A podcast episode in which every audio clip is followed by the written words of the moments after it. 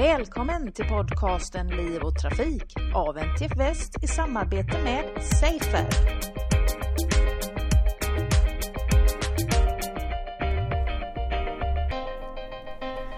Idag så är det den 27 maj och NTF har en trafiksäkerhetskonferens i Stockholm på temat Nollvisionen glömde vi människan på vägen. Och jag sitter här med en av föredragshållarna som är Nils Petter Gregersen som är forskningsdirektör på VTI och även eh, vetenskaplig rådgivare till NTF. Varmt välkommen Nils Petter! Tack så mycket! Det är trevligt att vara med. Ehm, du ska få berätta om ditt perspektiv på nollvisionen och människans roll i det arbete som har pågått. Ehm, men först tänkte jag be dig beskriva lite grann, vad är bakgrunden till att NTF väljer att göra den här konferensen nu? Ja, det hänger ihop båda de frågorna egentligen kan man säga för att eh, eh, som vi ser det så har man ju haft väldigt stor framgång med nollvisionen hittills. Eh, det har bidragit till att eh, jättemycket människor eh, har eh, överlevt i trafiken och eh, så. Men eh, eh vi menar att man har fokuserat lite för mycket på infrastrukturlösningar och på tekniska lösningar i fordon och så. Eh, vi menar att det finns skäl att lyfta människan som aktiv, beslutsfattande, motiverad part i trafiksäkerhetsarbetet och inte bara som eh, en komponent som inte får utsättas för för mycket krockvåld. Eh, människor tänker själva och tar egna beslut och sådär. Och den frågan vill vi lyfta med den här konferensen då och även fråga politikerna hur de ser på det. Och den här konferensen är en del av ett större, mer omfattande strategiarbete som NTF just nu eh, arbetar fram. Vad kan du säga om eh, uppföljningen av konferensen? Vad, vad kommer vara nästa steg?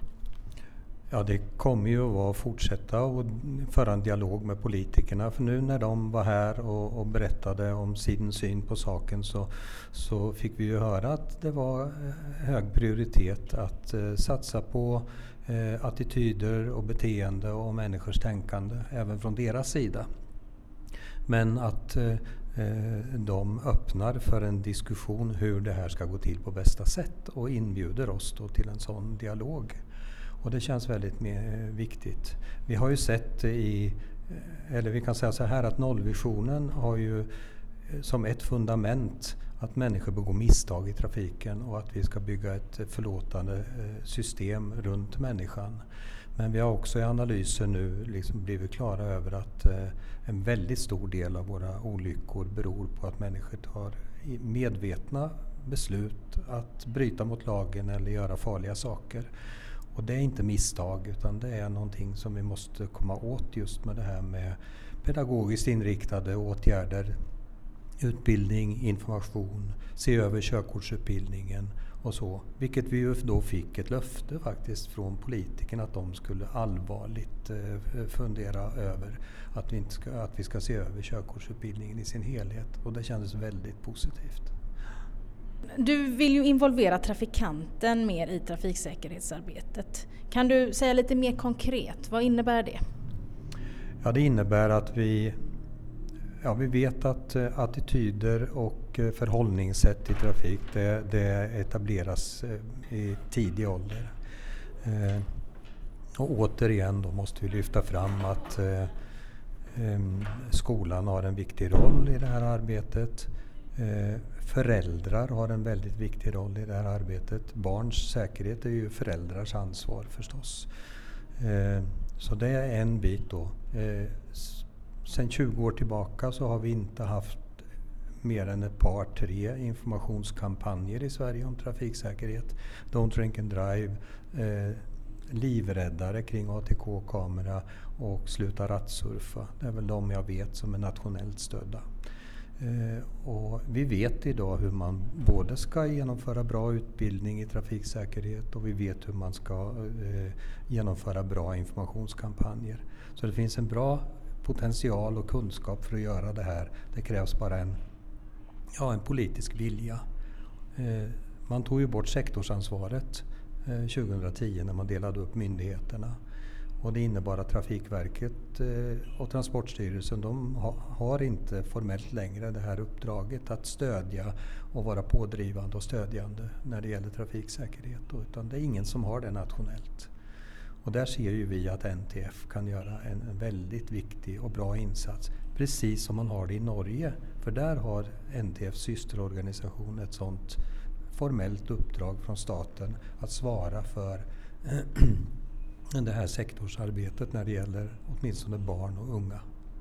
Kampanjer brukar ibland eh, beskyllas för att inte bedrivas på ett evidensbaserat sätt. Vad tänker du kring det?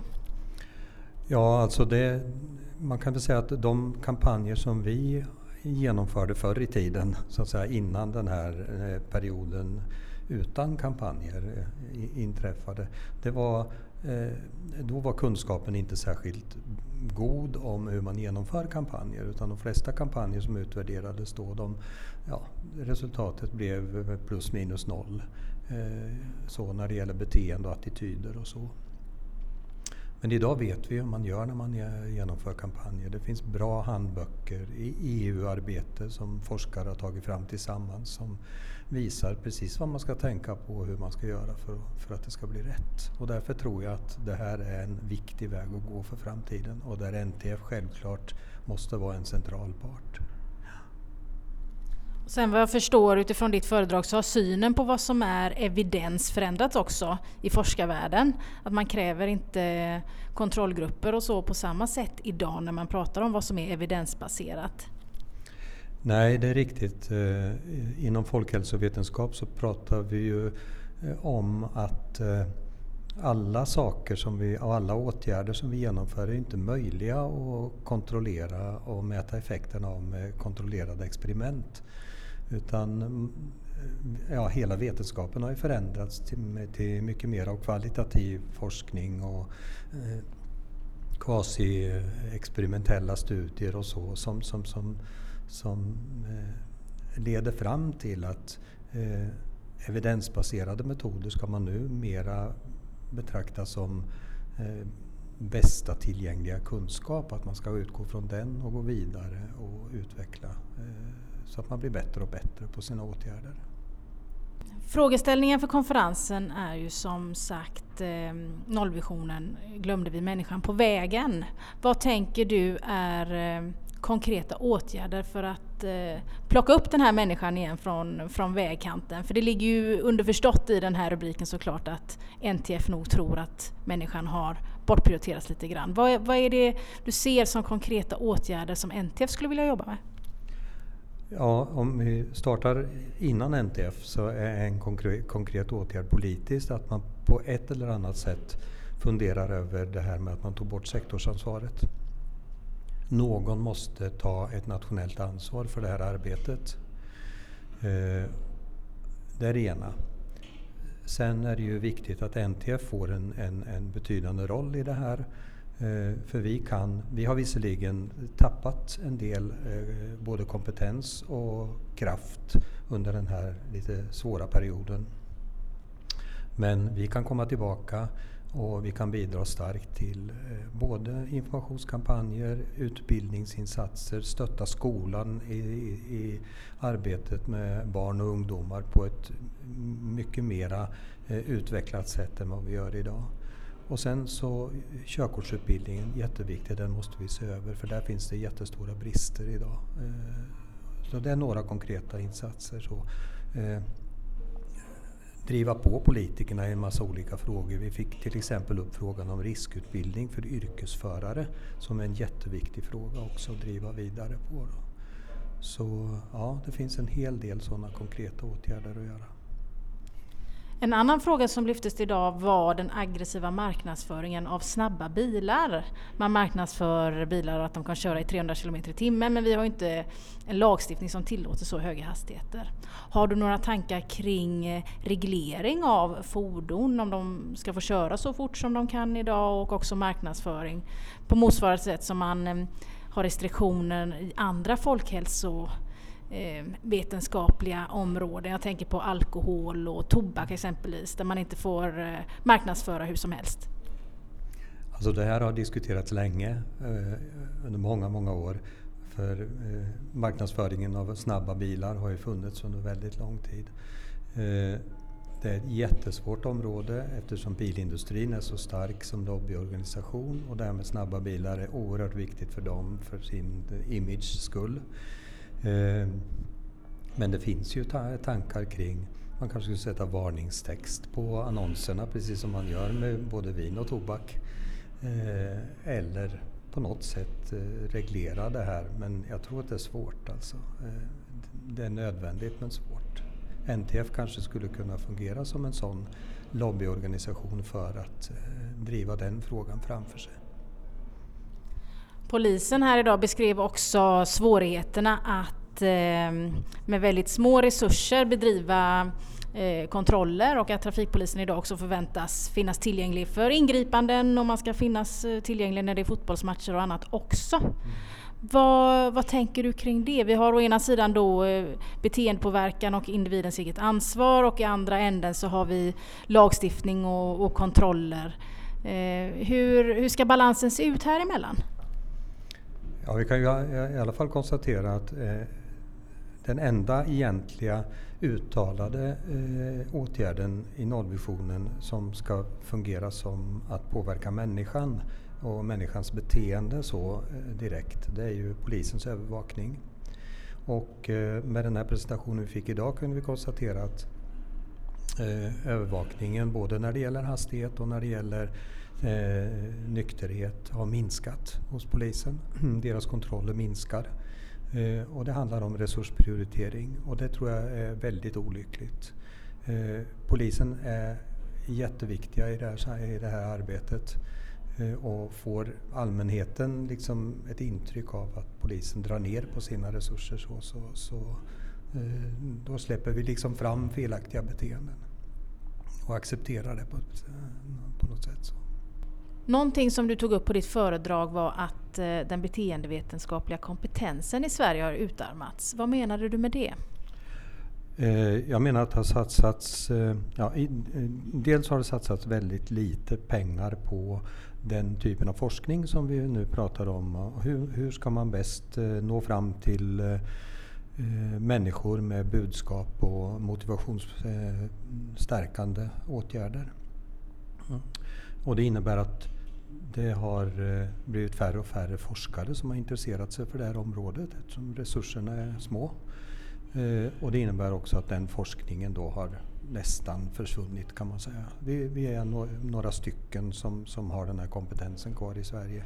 Det finns beteendevetare men de har eh, fokus på eh, människa-maskininteraktion, alltså hur ska man umgås med de här tekniska systemen på bästa sätt. Där finns det eh, satsningar. Men när det gäller just den här andra sidan, att jobba med människors vilja, motivation, attityder och så. Där har vi problem.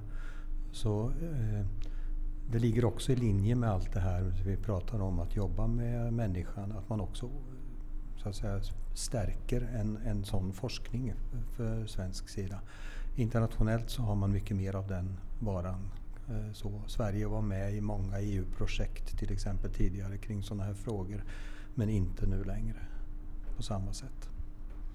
Jag läste om dig när du tillträdde på VTI 2011 efter att ha varit eh, trafiksäkerhetschef på NTF i sex år att du då skulle fördjupa dig i motivationen hos människor att eh, välja de trafiksäkra eh, eller att fatta de trafiksäkra besluten.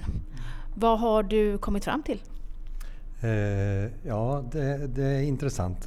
Vi har ju jobbat med några olika projekt som, som ja, har just det här fokus. Bland annat två projekt med mopedungdomar. Ett som handlar om eh, eh, grupptryck och normer bland mopedungdomar. Och ett som handlar om eh, föräldrars roll för sina mopedungdomars säkerhet. Och där har vi ju kommit fram till en hel rad olika förslag om hur man ska kunna jobba vidare med moped och, och så. Nu är det ju så att mopedintresset har minskat väldigt kraftigt i landet. Då, så att problemet kring mopedolyckor har ju också minskat. Så. Men det är fortfarande så att det finns mycket att göra många ungdomar trimmar sina moppar och föräldrar vet om att de kör trimmad moppe och en stor andel av de mopedolyckorna som inträffar handlar just om att man beter sig farligt, kör fort, har druckit alkohol, inte använder hjälm på rätt sätt och så vidare. Så där har vi ett helt batteri av åtgärdsförslag. Då. Sen har vi tittat på sparsam körning som ett exempel på eh, beteendepåverkande utbildning. Eh, konstaterar där att får man utbildning i sparsam körning så resulterar det också i på sikt att man sparar bränsle. De som fick utbildning i vårat experiment här de, de eh, sparar 9,3 eh, procent eh, bränsle när de körde ute i normal trafik.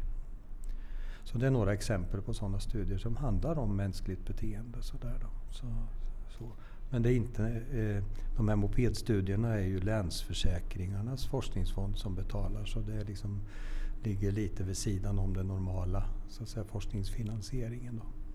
När det gäller trafiksäker sparsam körning så kan jag tänka mig att där finns ett ekonomiskt incitament som påverkar beteendet eller som kan vara motivationshöjande. Men i fallet med mopedungdomarna, kan du nämna någon motivationsskapande faktor för att fatta trafiksäkra beslut? Om man ska prata med ungdomar så måste man känna till en, en hel del om ungdomars utveckling och till exempel det här med, med hjärnans mognad och, och ungdomars förmåga att reflektera över konsekvenser av sina egna handlingar som inte riktigt är på plats eh, rent fysiologiskt i hjärnan. Eh, så därför måste man välja pedagogiska metoder när man pratar med ungdomar som, som, som engagerar och som, som hjälper dem att börja reflektera över konsekvenserna av det de gör. Och det är en annan pedagogik än vad man använder i skolan när man ska kunskapsförmedla. Och det där är svårt men att fortbilda i de sammanhang där man träffar ungdomar och kan prata moped så att de som är instruktörer och lärare, inte minst i mopedutbildningen, eh, förstår att det är någonting annat vi pratar om när vi ska övertyga och skapa motivation hos ungdomar att köra säkert och avstå från trimning och eh, använda hjälmen och så. Det är ett exempel. Och ett annat är ju det här med föräldrar, och att engagera föräldrar. Och, och eh, det visar sig att föräldrar har ett behov av stöd för vad de ska göra. In, ganska... Eh, Eh, många säger att man vill ha stöd i det lokala samhället. Att kunna prata med varandra, att diskutera eh, föräldrar sinsemellan om hur vi ska hantera de här trimnings och grupptrycksaspekterna av mopedåkningen. Snart är det dags för oss att eh, återgå till konferensaktiviteterna och jag vill passa på att fråga dig, vad önskar du dig mest av allt nu inför framtiden för NTFs räkning? Jag önskar mig att politikerna eh, förstår att sektorsansvaret var viktigt. Vi behöver inte kalla det för sektorsansvar men det som innebär att man på ett nationellt, eh, med ett nationellt politiskt stöd också ägnar sig åt människors motivation och hjälper dem att fatta rätt beslut. Och det här är ett arbete som jag hoppas NTF ska kunna få mandat att leda. NTF-familjen med medlemsorganisationer och länsförbund ska kunna leda i Sverige i framtiden. Det var allt från Liv och Trafik för denna gång. Jag heter Angela Elvård och tack för att ni har lyssnat.